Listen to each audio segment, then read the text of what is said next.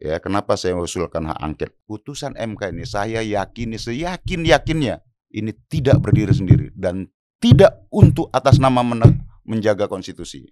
Di Undang-Undang Nomor 7 Tahun 2017 dirubah dari 35 menjadi 40 tahun. Semakin bertambah usia, semakin meningkatkan psikologis, menjadi lebih dewasa, lebih matang, lebih bijaksana. Dan Nabi Muhammad itu diangkat jadi Nabi dan Rasul umur 40 tahun. Menerima Gitu. wahyu ya. Menerima wahyu. Hmm. Ya sudah, oke dari 35 menjadi 45. Tapi Dan ternyata ini- sekarang jadi masalah gitu. Iya, karena dianggap belum cukup umur Gitu. untuk menerima wahyu kekuasaannya.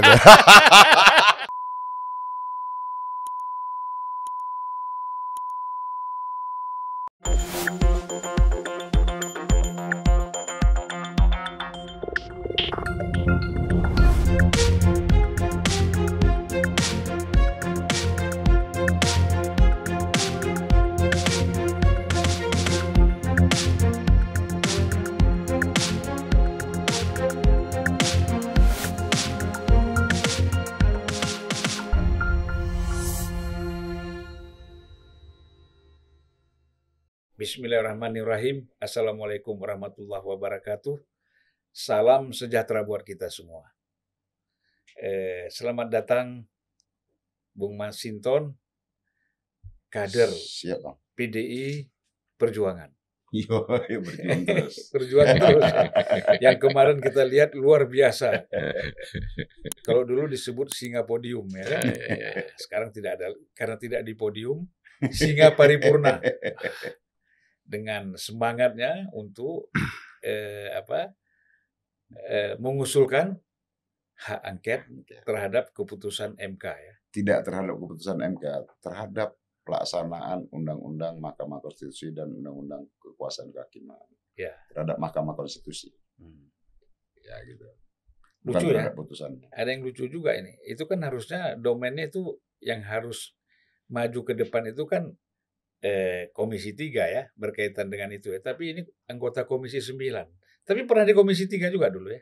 Periode lalu di Komisi 3, Bang. Oh ya, pasti ada lah semangat. Iya. Semangat itu masih ada. Bareng abang juga waktu itu.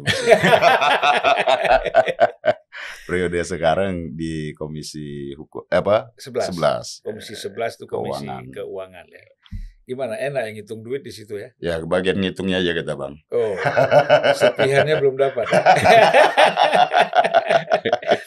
ya, kemudian satu lagi narasumber kita, kawan kita, Viva Yoga Mauladi Mas. sebagai Wakil Ketua Umum DPP PAN. Ya, Assalamualaikum. Waalaikumsalam. Seingat saya waktu bareng saya pernah juga berapa bulan itu dulu di Komisi 4. Komisi 4. Bang. Sekarang masih Komisi 4. Sekarang komisi 10 persen, Bang. Sudah nggak lagi. oh, udah nggak lagi. Iya. Ya, tapi yang penting kan masih di partai. Ya. ya masih apa punya eh, semangat untuk membenahi kehidupan bangsa dan negara kan gitu ya Bung Masinton ya Betul, Bang. kalau Di mana pun tempatnya, semangatnya harus sama.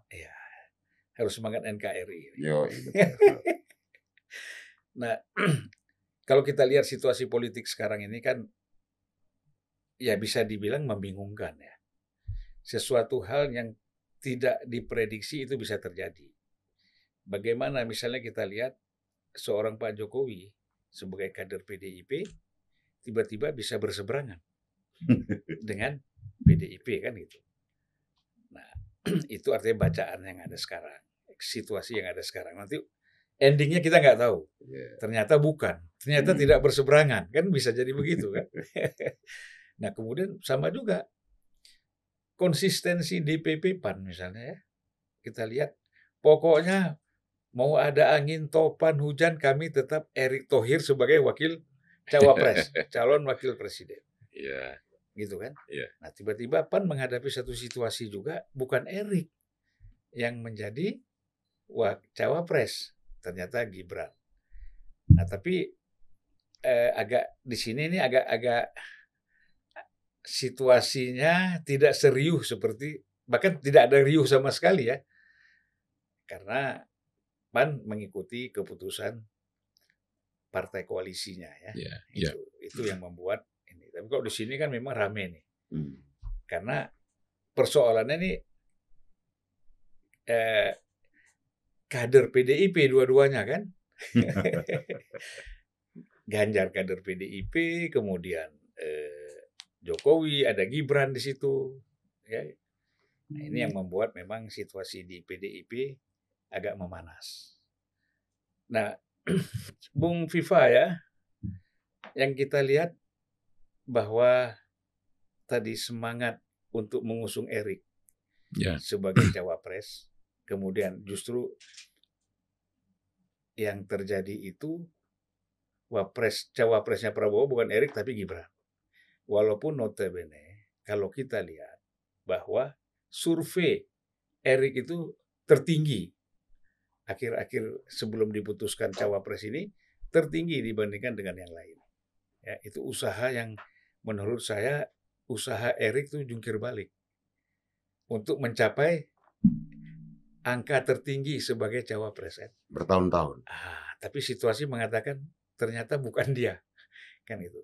Nah, bagaimana dari sisi PAN ini melihat ini?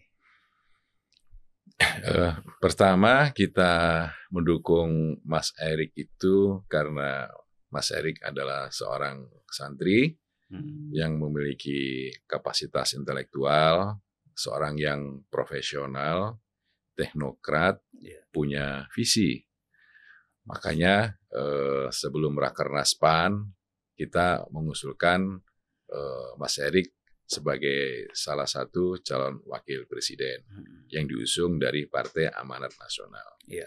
Dalam perjalanan waktu semakin mengkerucut bahwa perjuangan PAN itu eh, mendukung Mas Erick Thohir untuk menjadi eh, bakal calon wakil presiden karena pertimbangan dari nilai elektabilitas juga Hmm. dari beberapa hasil survei dalam posisi calon wakil presiden, Mas Erick Thohir menempati posisi jawara, Ya. selalu eh, relatif eh, paling tinggi di antara calon-calon yang lain.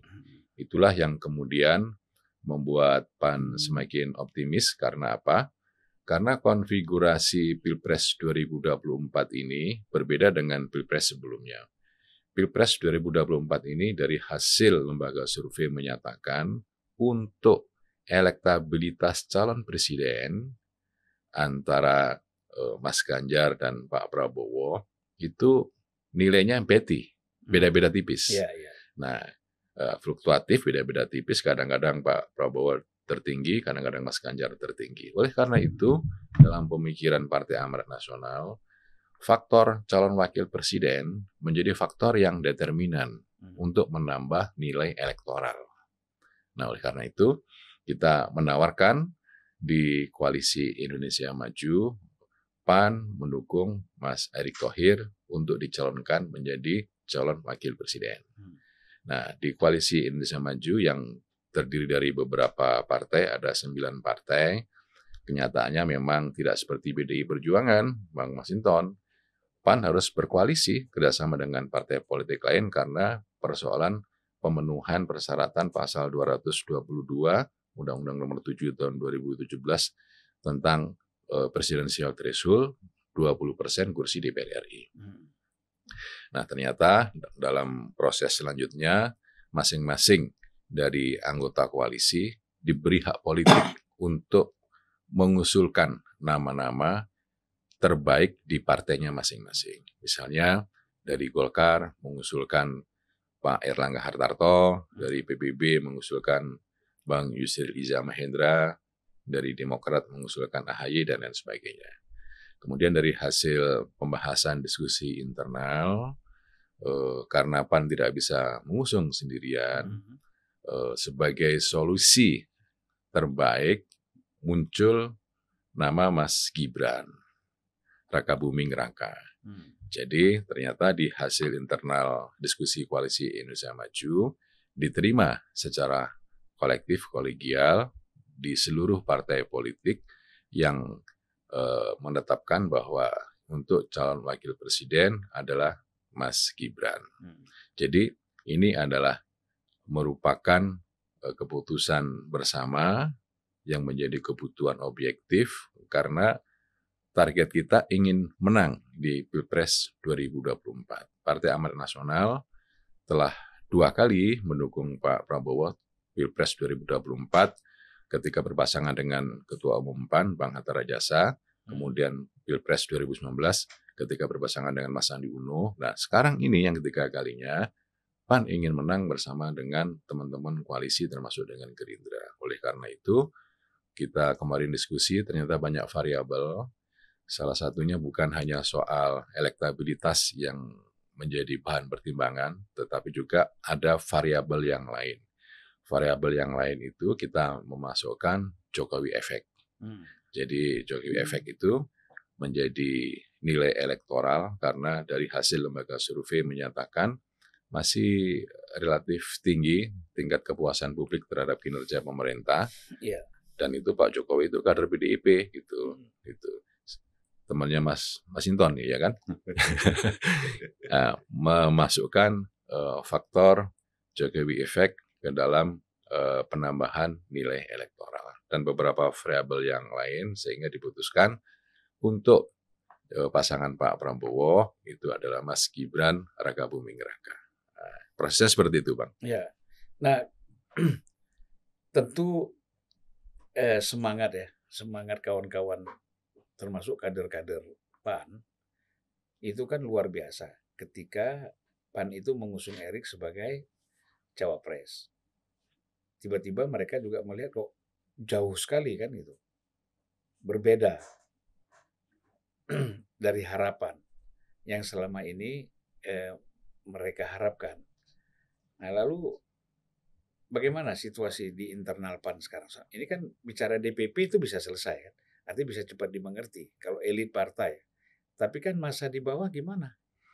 Masa di bawah itu sesuai dengan mekanisme partai bahwa persoalan pemilu presiden diserahkan kepada DPP PAN, khususnya kepada Ketua Umum hmm. Bang Zulkifli Hasan untuk menentukan langkah-langkah strategis dalam penentuan capres-cawapres yang bermanfaat buat partai dan bermanfaat buat masyarakat, bangsa, dan negara.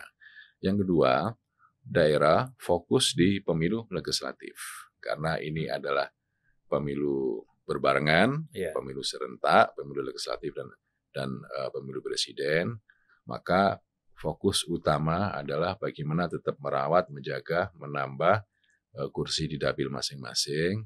Sembari kita nanti akan mensosialisasikan dan mempromosikan serta memperjuangkan pasangan calon yang sudah kita uh, yang sudah kita dukung. Jadi di internal kita ini uh, sesuai dengan arahan dari DPP karena PAN ingin menjadikan uh, proses manajemen yang modern, segala keputusannya juga serba transparan, mekanismenya juga dilalui berdasarkan kepada prinsip-prinsip demokrasi di internal partai. Ketua umum pun juga bisa dikritik di PAN gitu, bisa disenggol gitu, hmm. bisa diajak bercanda gitu. Jadi kita enjoy gitu. Ya, Jadi ya. ini adalah menjadi keputusan bersama, keputusan internal Partai Amanat hmm. Nasional dan itu akan kita uh, kita kerahkan sampai di tingkat akar bawah semuanya tunduk patuh kepada kebijakan DPP Partai Amanat Nasional. Jadi intinya solid ya. Solid. Ya, yang paling penting itu. Ya. Nah, ini kan tidak enak dibicarakan tapi harus ada klarifikasi. ya kan? di luar ini kan beberapa pihak itu mengatakan ya walaupun Erik tidak menjadi cawapres, katanya PAN ini sudah mendapat sesuatu lah. Apa itu sesuatu, ya sesuatu itu yang dianggap menguntungkan PAN lah gitu. Ini misalnya biasa kan, eh, orang kan melihat sekarang langkah-langkah politik, sikap-sikap politik atau keputusan-keputusan politik orang selalu melihatnya dari luar ya, dari luar itu melihatnya ada transaksi.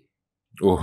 Nah, jadi me memang artinya tidak ada transaksi ya apa-apa dengan Erik kecuali memang ya pokoknya kita dukung aja jadi cawapres. Iya tidak ada soal itu enggak. Ada. Karena bagi Mas Erik Thohir itu Partai Amarat Nasional sudah bukan uh, orang luar, orang yang berada di barisan luar dan bagi PAN Mas Erik itu sudah menjadi keluarga. Hmm. PAN independen loh, PAN Iya, gitu. iya, iya. PAN mencoba untuk menjadi partai yang swadaya, swakelola karena setiap bulan, setiap bulan, setiap anggota DPR RI sampai kabupaten kota provinsi itu selalu memberikan kontribusi wajib Iya. kepada partai yang dikelola oleh Badan Saksi Nasional. Nah, sekian puluh persen dari take home pay-nya itu dipotong. Jadi PAN dari sisi finansial siap menghadapi pemilu karena kita sudah punya tabungan saksi. Gitu. Tinggal didistri- didistribusikan saja. Gitu. Iya. Jadi memang semata-mata mendukung Erik ini karena memang satu elektabilitas, Iya. kedua adalah memang dia ini Punya latar- visi, visi, punya ya. integritas gitu. Dan itu cocok dengan visinya PAN dengan platformnya PAN. Ya. Jadi apa yang dikemukakan oleh Mas Erik tentang masa depan bangsa, tentang bagaimana membangun ekonomi umat, ekonomi masyarakat Indonesia yang plural, yang menjaga toleransi, menghargai nilai kemanusiaan, itu cocok dengan visi dan platform Partai Amanat Nasional, sehingga kita dukung Mas Iya. Erik. Dan eh, sampai sekarang pun ya Mas Erik juga tetap bersama dengan kami. Nanti akan kita lanjutkan dengan program-program apalagi Mas Erik sudah menyatakan mendukung Pak Prabowo. Jadi ini suatu pelajaran politik yang paling penting ya, bahwa eh, tidak selalu tadi ada transaksi, Iya. ya, kemudian memang eh, hubungan tetap Iya. biasa saja, bahkan akan ditingkatkan. Ini kan penting ya buat Iya. pendidikan politik, karena ada juga tidak semua partai bisa bersikap seperti PAN. Ada juga yang memang eh, apakah saya menerima sesuatu jabatan atau saya menolak me- me- eh, tidak menerima sesuatu jabatan tapi asal ada eh, itu itunya lah Ya. gitu.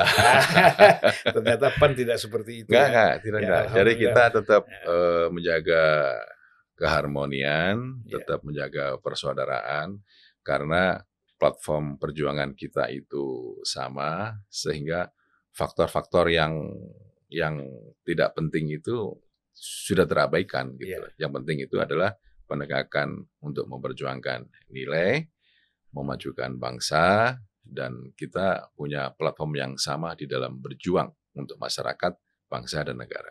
Ya, sebelum kita masuk ke Masinton ya, karena ini adalah topik yang masih hangat sekali, gitu.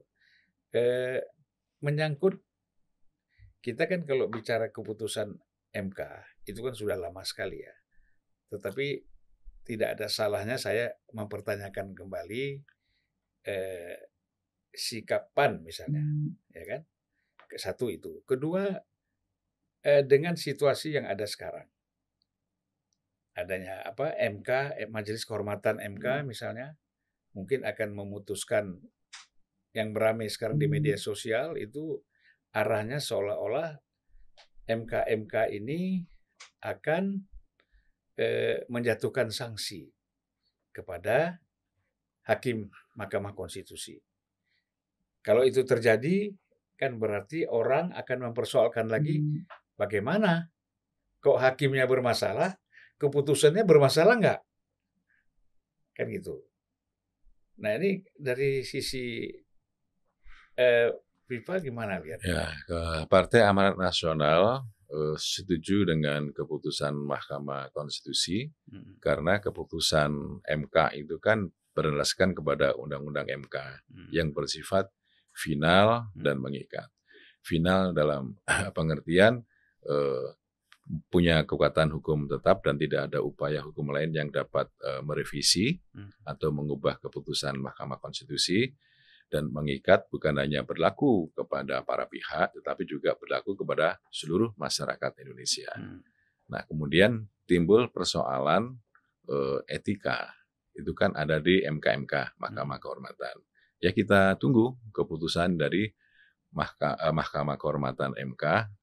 Apa pun juga keputusan dari MKMK, kita akan taat dan patuhi karena memang untuk menafsirkan undang-undang itu harus berdasarkan kepada pendekatan legal, formalistik, apa pun yang diputuskan dan sebagai uh, masyarakat Indonesia kita harus tunduk patuh gitu. Hmm. Makanya penafsiran terhadap uh, apa pun nanti yang akan diputuskan oleh Mahkamah Kehormatan MK tentu akan berdampak. Hmm. Berdampak politik yang itu tidak akan selesai. Hmm. Itu, itu sudah menjadi rumusan dan konsekuensi logis dari setiap keputusan politik hmm. karena undang-undang itu adalah produk politik yang dihasilkan oleh lembaga politik siapa pun harus tunduk patuh kepada keputusan termasuk juga para pembuat keputusan itu.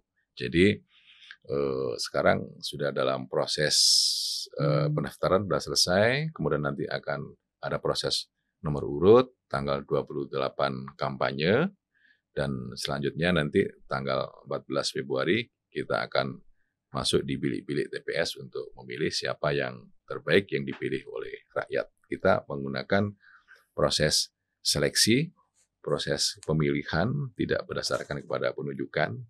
Jadi memang kalau terminologi politik dinasti itu kalau menurut saya ini hmm. kurang tepat dalam sistem demokrasi. Hmm. Jadi kalau politik dinasti itu uh, mengembangkan sistem reproduksi kekuasaan dengan uh, warisan keluarga, darah melalui proses penunjukan, tetapi kalau sistem demokrasi itu kan berdasarkan kepada Election. proses pemilihan, Pemilihan. selection dan itu sangat berbeda. Seorang anak raja belum tentu terpilih apabila dia tidak dekat dengan rakyat. Hmm. Jadi tidak ada warisan yang harus memilih dia karena proses penunjukan, tapi ini proses pemilihan oleh rakyat. Bila hmm. rakyat yang menentukan siapa yang akan terpilih nantinya untuk menjadi presiden terpilih, wakil presiden terpilih. Saya ke Bung Masinton ini. Iya, Bang. Iya kan. Nampaknya dia sudah lama sekali mendengar FIFA bicara kan. Asik. memang kita harus menyimak. Memang anggota DPR itu harus banyak menyimak juga ya. Biasanya kan disimak orang ya. Yeah. Ini menyimak ya. Nah, jadi Bung Washington eh, sebenarnya kalau kita lihat dari penjelasan tadi ya bahwa dan sudah banyak juga eh, kalau soal dinasti itu sudah clear saya kira ya. Tidak ada politik dinasti di dalam sistem demokrasi kita. Itu hanya ada di, dinasti itu kan di dalam sistem monarki yeah. kan kerajaan. Kita kan bukan kerajaan. Nah, kemudian eh, MK memutuskan eh, eh, apa? MK memutuskan bahwa dari segi usia itu tidak boleh. Harus 40 ke atas. Kemudian kan ini setiap orang yang dipilih melalui pemilihan umum kan, termasuk anggota DPR, DPRD, DPRD, wali kota, bupati dan gubernur itu dibolehkan untuk maju sebagai presiden atau calon, calon presiden. wakil presiden. Sebenarnya kan sampai di sini tidak ada masalah ya. Yang menjadi masalah kan ketika ini dipersepsikan bahkan dituduh langsung ini. Ini diputuskan untuk kepentingan putra Pak Jokowi yaitu Gibran Raka Raka Buming. Raka Buming Raka. Raka Buming Raka untuk memulus jalannya untuk menjadi cawapres kan itu. Hmm. Nah ini kan persoalannya di situ nih. Hmm. Dan kemudian ini juga kader PDIP, PDI Perjuangan. Saya tuh nggak hmm. enak kalau nyebut PDIP ya. Nyebutnya PDI Perjuangan. Iya, iya, iya. Karena ada perjuangannya itu kan. Perjuangan nggak boleh disingkat. Rumah lama rupanya. Dan itu enak, enak. Nyebutnya PDIP PDI Perjuangan itu enak. Kalau PAN itu nggak enak. PAN Perjuangan itu enak. Makanya setiap orang yang keluar dari PAN, uh. kalau bikin partai baru nggak pakai PAN ya. Nggak pakai. Nggak pakai iya, Perjuangan yeah, juga. Iya, nggak pakai. Saya Pak Amin bikinnya Partai Umat. nah, jadi kalau kita lihat di sini kan, eh, bisa kita anggap clear. Persoalannya memang eh, ini Gibran ini. Belum clear sebenarnya, Bang. Oh, belum clear. Dengan Majelis Kehormatan Mahkamah Konstitusi ini kan ya, melakukan ya. persidangan etik itu kan berarti ada masalah. Ya. Nah, jadi kalau kita lihat, Bang, ya. Kita lihat dari prosesnya ya. ada persoalan yang sangat serius. Semua nih, pertama hakim yang ikut dalam rapat permusyawaratan hakim Hmm. menyampaikan ada persoalan yang sangat-sangat serius. Itu yang disampaikan oleh Prof. Saldi Isra dalam dissenting opinion. Kemudian yang mulia Harif ya, Pak Harif Hidayat juga menyampaikan bahwa ada persoalan yang sangat serius Hmm. itu BMK. Oke. Kemudian ahli hukum tata negara juga menyampaikan ada cacat hukum yang serius. Hmm. Bahkan Prof Yusril ya meskipun beliau pendukung Pak Prabowo dalam koalisi Pak Prabowo, beliau secara objektif menyampaikan ada potensi dugaan penyelundupan hukum. Hmm. Oke, kemudian kemarin Gini, gini, Pak Yusril, Prof Jimli sebentar ya Bang, Ah, ya. izin. Prof Jimli menyampaikan ada problem yang sangat serius. Hmm. Artinya apa? Saya mau katakan bahwa ada yang problem yang sangat serius dalam Mahkamah Konstitusi kita saat ini. Nah itu bang. Nah hakim yang bersidang menyampaikan seperti itu, ahli hukum tata negara menyampaikan ada hal yang serius, bahkan eh, Prof Jimli ya ma- be- ma- ketua Majelis Kehormatan Mahkamah Konstitusi menyampaikan ada problem yang sangat serius. Hmm. Nah tiga ini menurut saya sudah lebih dari cukup untuk dijadikan kalau dalam uh, pidana itu dua alat bukti tadi. Hmm. Bahwa ini sudah menegaskan ada yang sangat-sangat serius. Maka bagi kita ini Bang, saya terlepas selalu saya sampaikan ketika kita bicara konstitusi, kita lepas dulu dari persoalan politiknya. Hmm. Saya sampaikan di paripurna kemarin, ini bukan sekedar kepentingan partai politik, bukan juga sekedar dukung-mendukung capres-cawapres, tapi ini ada hal yang sangat mendasar, melampaui dari kepentingan kepentingan tadi tentang konstitusi dan kedaulatan rakyat itu, dan termasuk perjalanan eh, reformasi kita. Nah, artinya apa? Kalau ini tidak kita sikapi, hal-hal yang sangat serius dan fundamen ini, ya runtuhlah kita. Bernegara itu kan berkonstitusi, Bang. Hmm. Kita bicara di sini juga atas jaminan dan perlindungan konstitusi. Bahwa hak warga negara itu dijamin dan dilindungi konstitusi untuk menyampaikan kebebasan pendapatnya. Bisa dibayangkan, Bang, bahwa konstitusi mengikat kita semua. Tapi kalau konstitusinya kemudian disimpangkan menjadi urusan-urusan politik pragmatisme kekuasaan, Hmm. itulah yang menjadi persoalan sangat seriusnya. Karena konstitusi ini kan bukan sekedar hukum dasar, Bang. Hmm. Tapi dia ya punya falsafah di sana, punya roh dia, punya jiwa dia. Nah, ketika ini diutak-atik kan rusak semua tatanan. Nah, itu yang menurut saya perlu eh, kenapa saya harus menyampaikan usul hak angket terhadap Mahkamah Konstitusi itu. Karena itu tadi, Bang. Kita nggak mau lah bangsa ini diwariskan dengan eh, apa ketidakpastian dan kemudian kita ber- menjalankan satu sistem kenegaraan dengan konstitusi yang koyak-koyak ini, Hmm. terkoyak-koyak ini itu, Bang. Ya, tapi kan begini tadi seperti penjelasan eh, FIFA itu kan mengatakan bahwa eh, keputusan MK itu kan bersifat final dan itu kan dan mengikat. dan mengikat itu kan memang sudah Iya. secara hukum itu sudah bisa, tidak bisa dibantah ya. Nah, persoalan kan begini. Ada MK-MK. Kemudian MK-MK mengatakan bahwa sanksi kepada hakim konstitusi ini apalah kita belum tahu nanti sanksinya apa. Itu kan akan terjadi. Katakanlah terjadi sanksi misalnya. Lalu keputusannya tetap berlaku. Nah, ini apakah eh, pihak legislatif misalnya, tidak semua barangkali ya, eh, ada pasti yang tidak setuju, ada tidak bisa menerima kan dengan keputusan itu. Artinya kan ini ada satu problem bagaimana eh, keputusannya diterima tapi orangnya bersalah. Ini kan ada problem di sini. Nah ini kira-kira apa ya gerakan atau gelombang politiknya nanti seperti apa kalau ini terjadi? Hah? Nah maka gini bang, menurut saya juga ini juga nanti uh, kita harus koreksi kembali itu final dan mengikat itu. Hmm. Undang-undang dasar kita menyatakan putusan Mahkamah Konstitusi bersifat final. Hmm. Kata mengikat itu hanya ada di undang-undang Mahkamah Konstitusi yeah. itu. Hmm. Jadi undang-undang dasar kita menyatakan bersifat final. Hmm. Nah, kalau tadi dengan model begini, dengan ditambah dengan kata mengikat tadi, ya, dan jelas kok di undang-undang dasar itu diatur itu syarat tentang hakim Mahkamah Konstitusi itu negarawan mengerti hmm. tentang ketatanegaraan apa segala macam. Hmm. Artinya apa, Bang?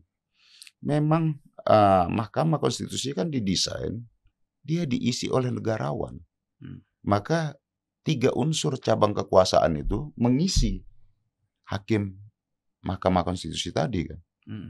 Tiga dari pemerintah, unsur eksekutif, tiga dari unsur legislatif, tiga dari unsur yudikatif Mahkamah Agung.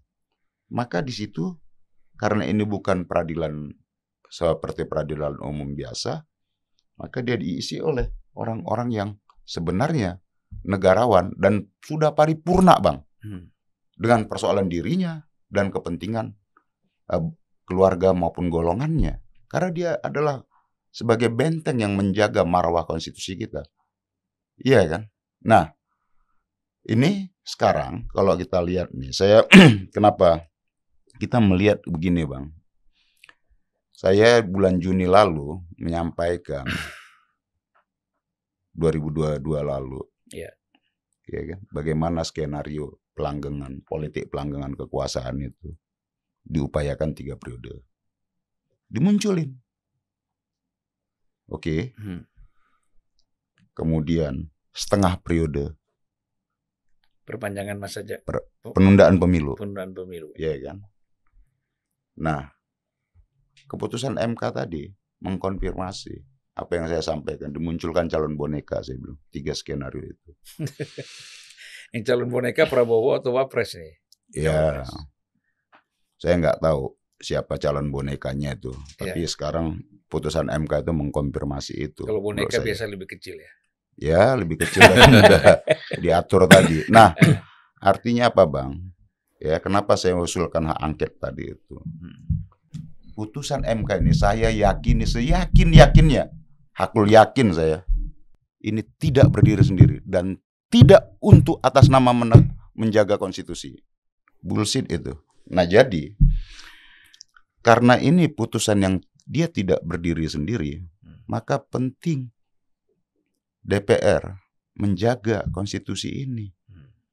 Kan aneh, ya.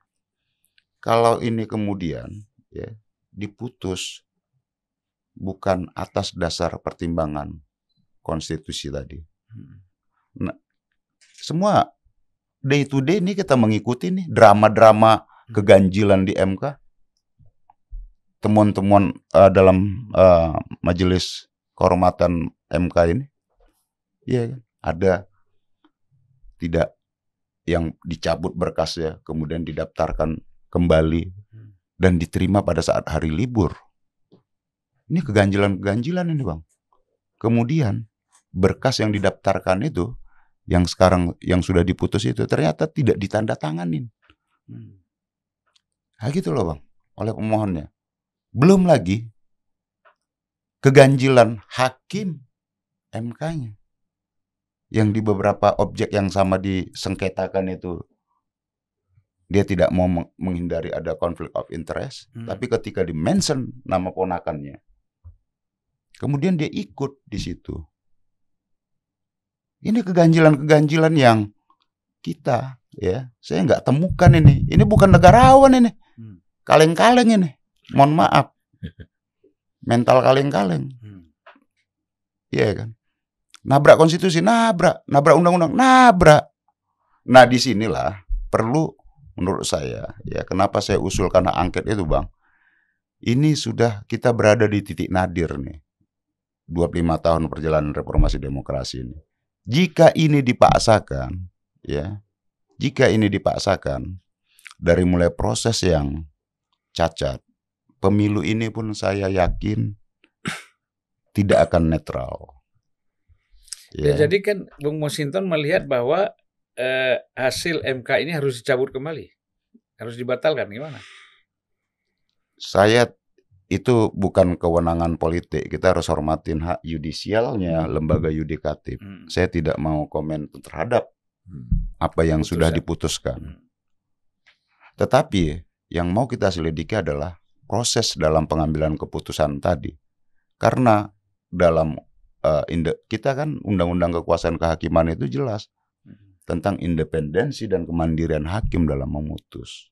Tapi kan Apakah proses- ada faktor intervensi Oh ya, terus kekuasaan terhadap hakim-hakim tadi ini kan per- Hmm. perlu kita selidikin agar tidak menjadi prasangka-prasangka. Hmm. Kan kita harus bikin persoalan di MK hari ini, ya, kecurigaan publik di MK dan kritik publik di MK hari ini kan harus kita buat terang benderang, bang. Kita nggak bisa ya membiarkan ini menjadi apa kecurigaan yang mem- me- apa melahirkan ketidakpastian ini kan berarti nanti ketidakpastian. pansus ya. Kalau angket ini disetujui oleh berapa? Ya, 25 anggota, Hmm. lebih dari satu praksi, kemudian disampaikan usulan ke paripurna. ke paripurna, jika diterima kemudian dibentuk panitia khusus. Iya pansus. Wah ini Gitu, kan Bang. panjang nih. Kalau Iya. bicara pansus kan bisa nggak selesai-selesai sampai berapa bulan. Artinya kalau terbentuknya nanti November ini, Iya, kemudian kita pemilu Februari, iya. berarti bisa lewat tuh nanti keputusan pansusnya. Bisa Iya. eh, setelah eh, setelah pemilu nggak bisa lagi udah sudah demisioner kan? Enggak, Oh sampai Belum Oktober dong. ya? iya. Sampai Oktober. Menurut saya no problem, Bang. Hmm. Agar kita bisa mengurai ini secara jelas dan Hmm. tuntas. Kalau tidak, ini akan menjadi persoalan yang Hmm. kita tidak pernah selesaikan dan ya bahayanya kita tidak lagi percaya terhadap konstitusi, hukum dan perundang-undangan. Jadi tujuan pokoknya adalah pansus angket yang diusulkan oleh Masinton dan kemudian kalau misalnya disetujui oleh kawan-kawan, Iya. eh, tujuan utamanya bukan ingin menggagalkan Gibran sebagai cawapres. Nggak ada kaitan lah itu, Bang. Nah, Ini eh, itu itu orang kan perlu tahu. Gitu. Iya, ini udahlah. Kita menurut saya kita harus bikin ini jernih semua. Hmm, Ini ada persoalan yang fundamen ya. yang saya katakan tadi. Ini kita bicara konstitusi urusan yang sangat mendasar, melampaui dari persoalan kepentingan-kepentingan politik pendek tadi. Konstitusi ini kan kontrak eh, sosial dan kontrak politik kita bersama dalam mengelola negara dan bangsa ini. Gimana itu, kalau ini itu rapuh? sebenarnya yang orang perlu tahu. Seolah Hmm. ini Masinton bikin hak angket, kemudian bikin pansus nanti. Ya seolah-olah kan orang Iya. berpikir sempit nih. Betul, Padahal kan pasti berpikirnya ditarik begitu. ah, ditariknya kan, wah ini ingin menggagalkan Gibran sampai bisa menggagalkan Prabowo kan gitu. Ternyata kan setelah dijelaskan tadi ada suatu kepentingan yang lebih besar ya. Iya. Untuk kepentingan bangsa negara. Kita nggak bisa mereduksi persoalan yang sangat mendasar ini menjadi urusan-urusan politik pendek tadi, bang. Iya, iya. Ya nggak begitu harusnya cara berpikir ya kan gitu, bang ya. Hmm. Nah, ada banyak hal yang harus kita tata dalam 25 tahun perjalanan reformasi ini. Gitu loh, Bang. Sudah jelas kok mandat reformasi demokrasi ini. Kita harus menyelesaikan persoalan KKN itu. Hmm. Karena ini salah satu eh, apa akar masalah yang harus bisa kita urai dan kita tuntaskan. Hmm. Nah, selama 25 tahun perjalanan reformasi dan demokrasi kita, kita banyak mengalami ya ada kebebasan apa segala macam, tapi secara substansi kita belum beranjak maju. Jadi kita kan harus dorong proses bagaimana demokrasi ini bisa berjalan dua kaki, bukan hanya demokrasi politiknya, tapi juga demokrasi ekonominya harus berjalan dan bisa melahirkan satu keadilan dan kesejahteraan buat masyarakat tadi. Kalau tidak kan Iya. ini pincang. Bagaimana nih, eh, Bung Viva ini? Dan tadi udah panjang lebar saya kira ya. Sebenarnya kalau kita bicara tujuan, PAN, PDIP, Koalisi Indonesia Maju, ya kan, Koalisi PD Perjuangan, nggak ada namanya ya. Ada ya? Belum ada kayaknya ya.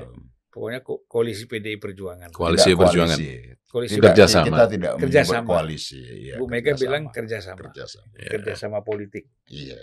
Nah, jadi sebenarnya kan kalau kita lihat dari hakikat ya, substansinya kan sama ya. Gitu. Nah, Iya. ya, gimana pandangannya? Iya, makanya kan eh, PAN merujuk pada Undang-Undang MK, keputusan MK sudah bersifat final dan mengikat. Kemudian ada proses politiknya, yaitu berupa pendaftaran tiga pasangan calon. Itu sudah selesai, tapi kan kemudian menimbulkan dampak eh, ekses eh, terhadap keputusan dari MK itu, sehingga ada Mahkamah Kehormatan MK, kan gitu. Nah sekarang MK, eh, sudah ini, bekerja. Saya tanya dulu, MK MK ini diputuskan oleh presiden ya? MK MK enggak. Siapa ya yang angkat Eh, MK MK ini?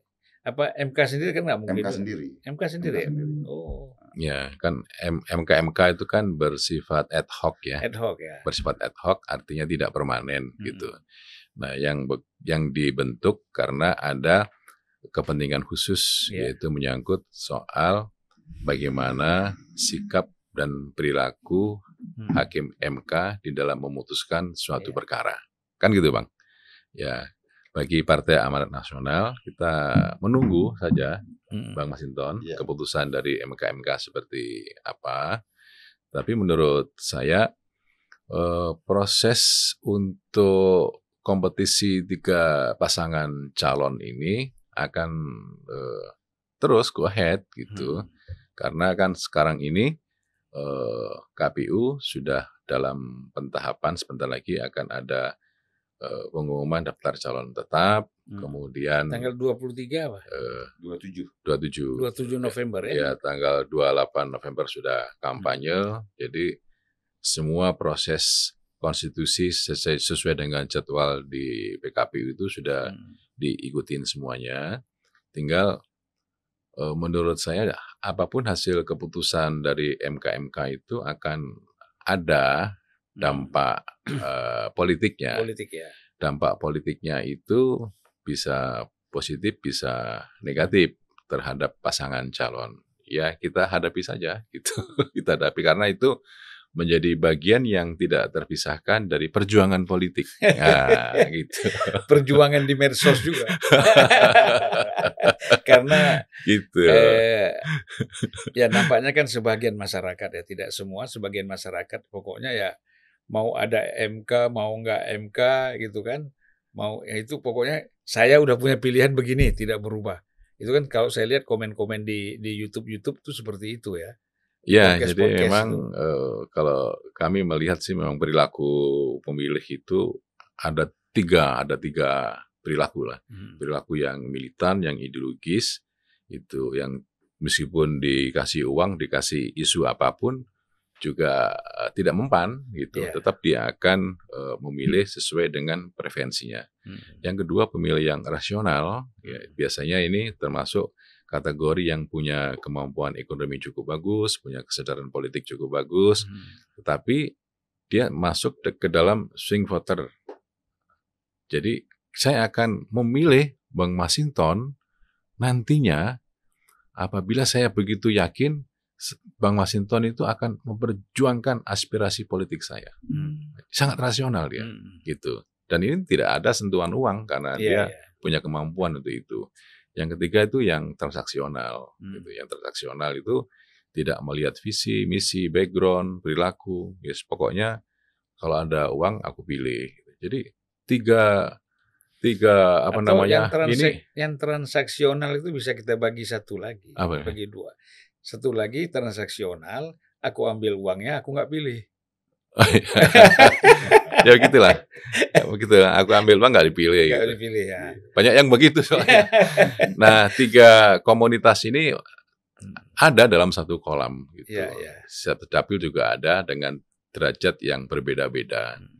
Makanya ini perlu menurut saya ini Bang ya, menurut saya ini perlu ada sebuah kesadaran politik terutama kami di partai-partai politik Hmm. untuk lebih meningkatkan uh, bagaimana proses pendidikan politik ini karena ini adalah prinsip demokrasi, Hmm. maka one person, one vote, one value, OPOV ini harus diterapkan kepada setiap masyarakat pemilih itu agar apa?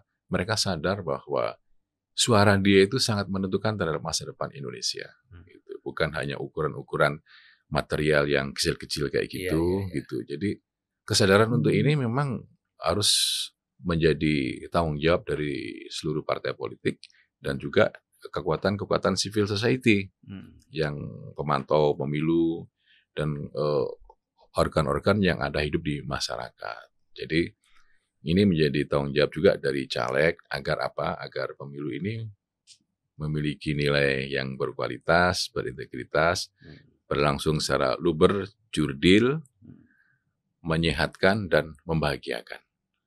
Menjadi pesta yang gembira. Jangan tegang lah ini, Iya, karena iya. setiap setiap lima tahun sekali kan kita pasti akan berjumpa dengan pemilu, bang. Hmm.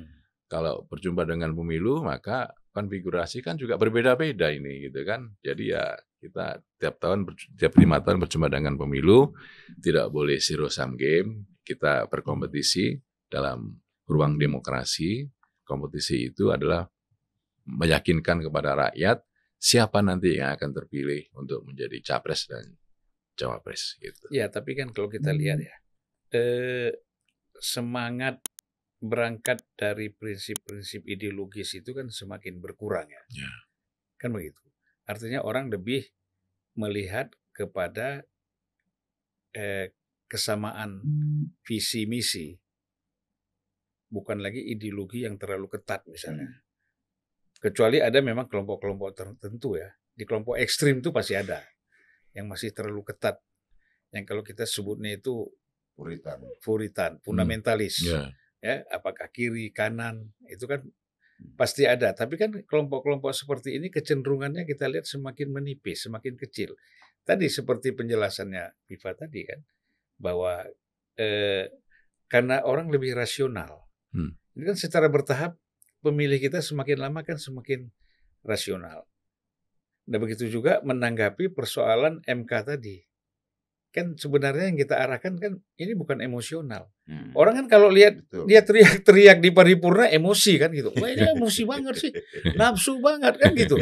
Nah, ternyata setelah dijelaskan tadi, oh bukan itu persoalannya. Ada hal yang Iya. substansial. Jangan sampai hal-hal seperti ini terulang setiap saat, setiap ada momen-momen politik tertentu, Iya.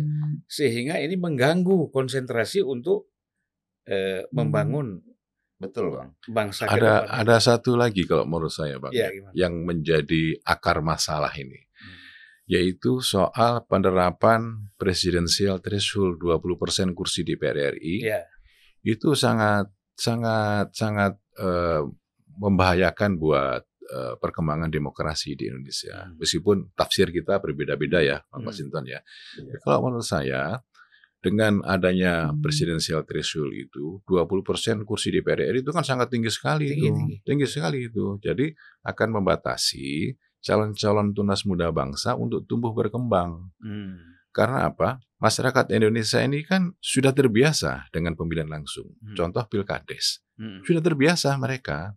Jadi eh, Partai Amanat Nasional menawarkan menghapus presidensial threshold 0% karena ini yang menjadi akar masalah sehingga proses politik begitu Hmm. sangat dinamis dan terkesan terkesan ini eh, partai politik menjadi bersikap tirani Iya. gitu. Jadi mengkebiri eh, aspirasi dan kedaulatan rakyat, kemudian proses-proses dalam penentuan kepemimpinan nasional itu menjadi sangat elitis sekali. Hmm. Jadi menurut kami presidensial threshold dihapus.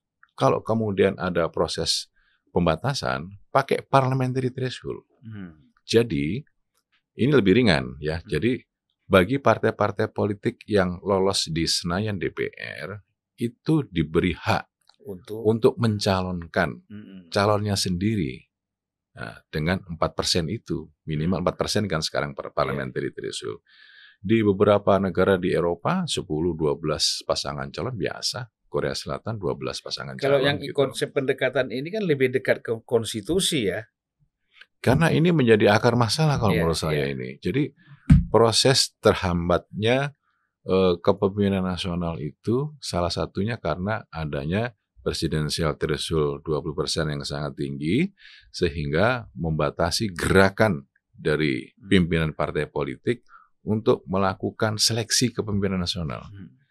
Jadi idealnya itu dihapus, kemudian udah kalau mau pakai threshold 4%. Iya. Parliamentary threshold. Hmm. 4%. Jadi siapa pun partai politik yang lolos di Senayan, dia punya hak politik untuk menentukan calonnya sendiri. Hmm.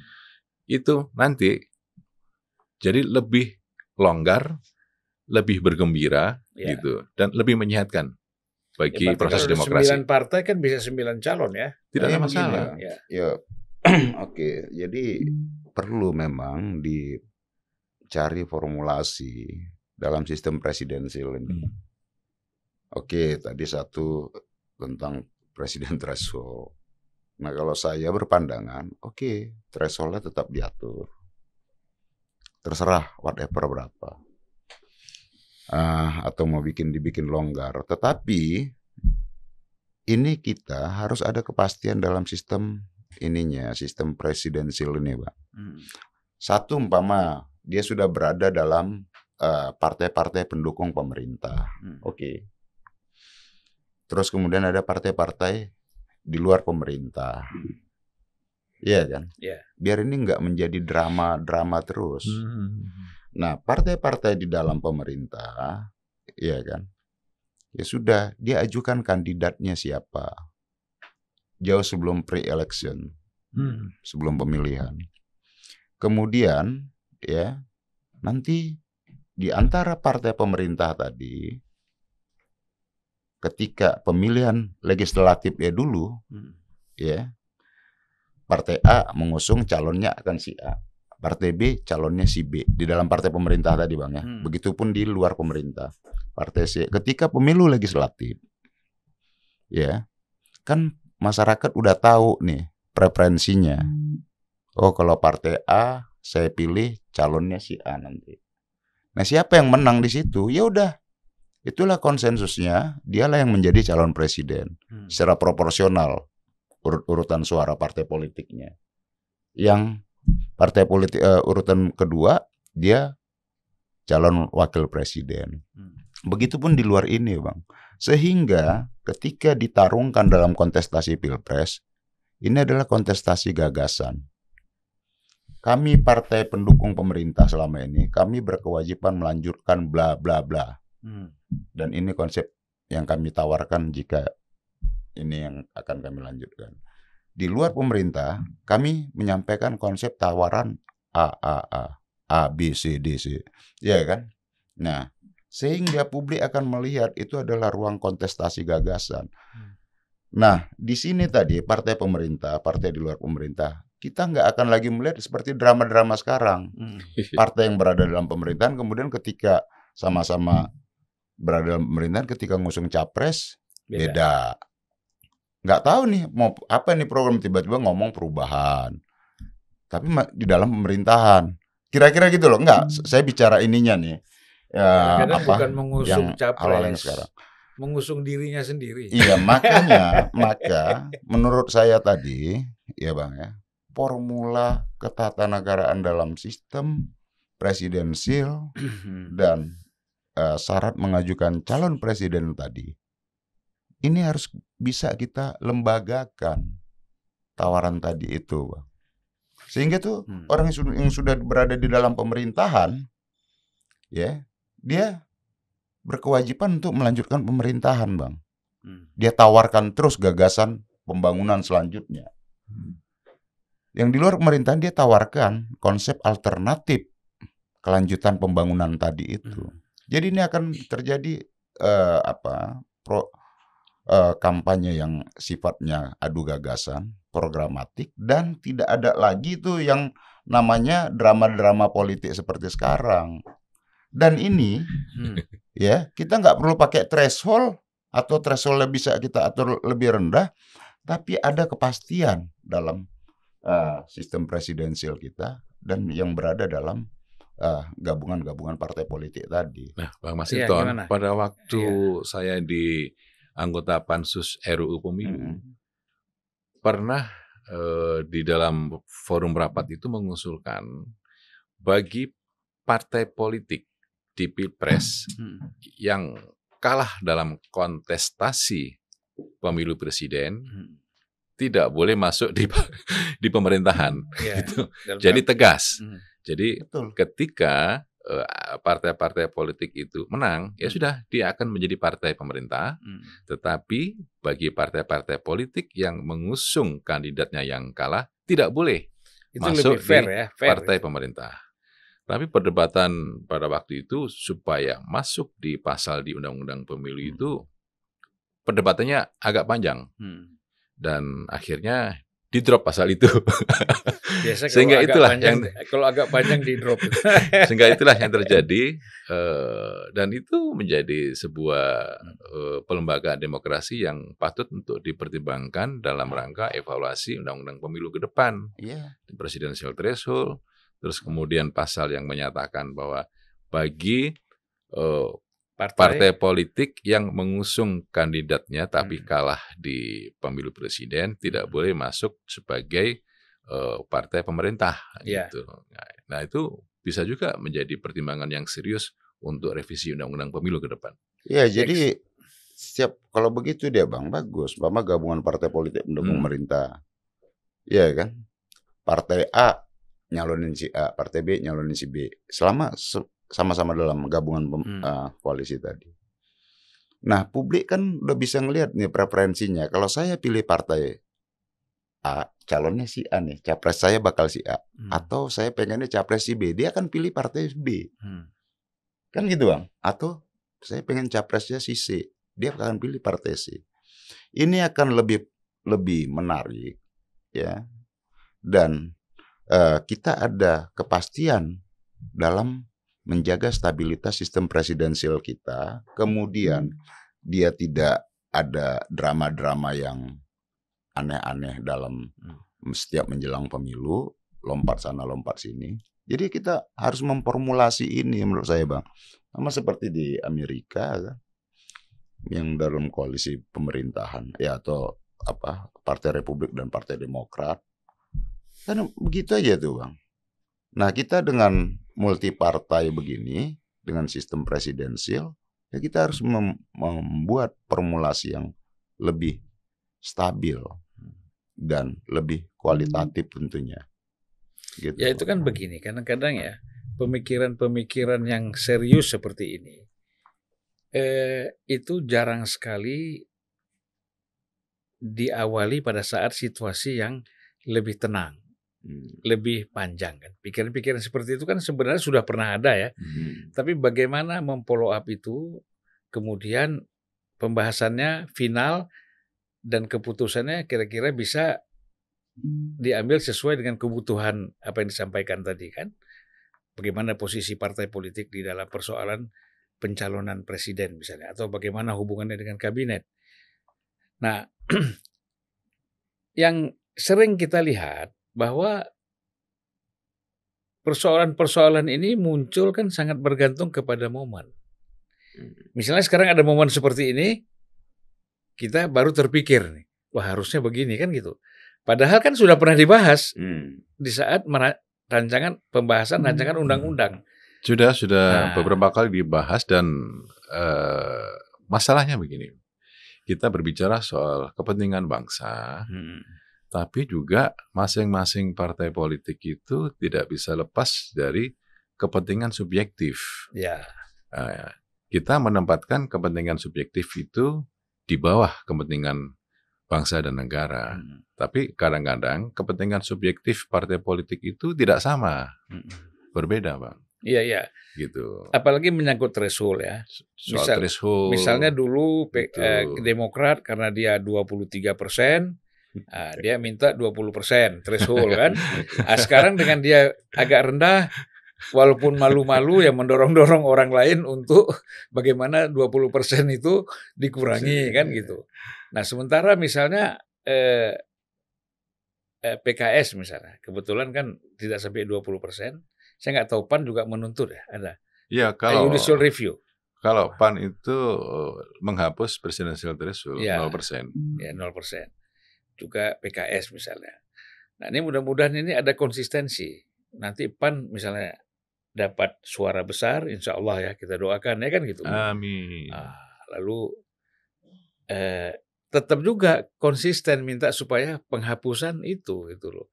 Yang kita khawatirkan kan begini. Ketika kita dapat besar, wah jangan dihapus ini. ya kan? ini penting kan gitu. Enggak lah, kita ini tetap Gitu konsisten ya. berjuang Ah, karena nilai. ya kita yakin lah. Ya. Apalagi kalau Viva Yoga yang jadi ketua umum nanti. kan. Enggak, kita tetap dukung Bang Zulkifli Hasan. Iya. Nah, gitu. Ya itu tadi Iya. bang sebenarnya tawaran alternatifnya tadi itu ya bisa diatur syaratnya tanpa harus threshold. Ya. Iya kan? Iya ya. Jadi kan syarat dalam konstitusi kita, undang-undang dasar kita kan dicalonkan Partai- oleh partai, Partai politik, politik. Atau gabungan partai atau politik. gabungan partai politik. Jadi threshold ini bisa kita bikin kita hilangkan nih, Iya. nggak perlu lagi ada syarat presiden threshold tadi. Hmm. Cukup dia disalonkan oleh partai politik. Kan begitu, Bang? Ya itu tadi, partai politik itu eh, dengan katakan nih dengan multi partai tadi. Ada gabungan partai politik di pemerintah.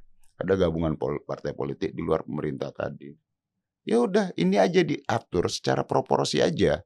Karena itulah legitimasi rakyat tadi kan. Oh ya udah, saya pengen partai A, capresnya A.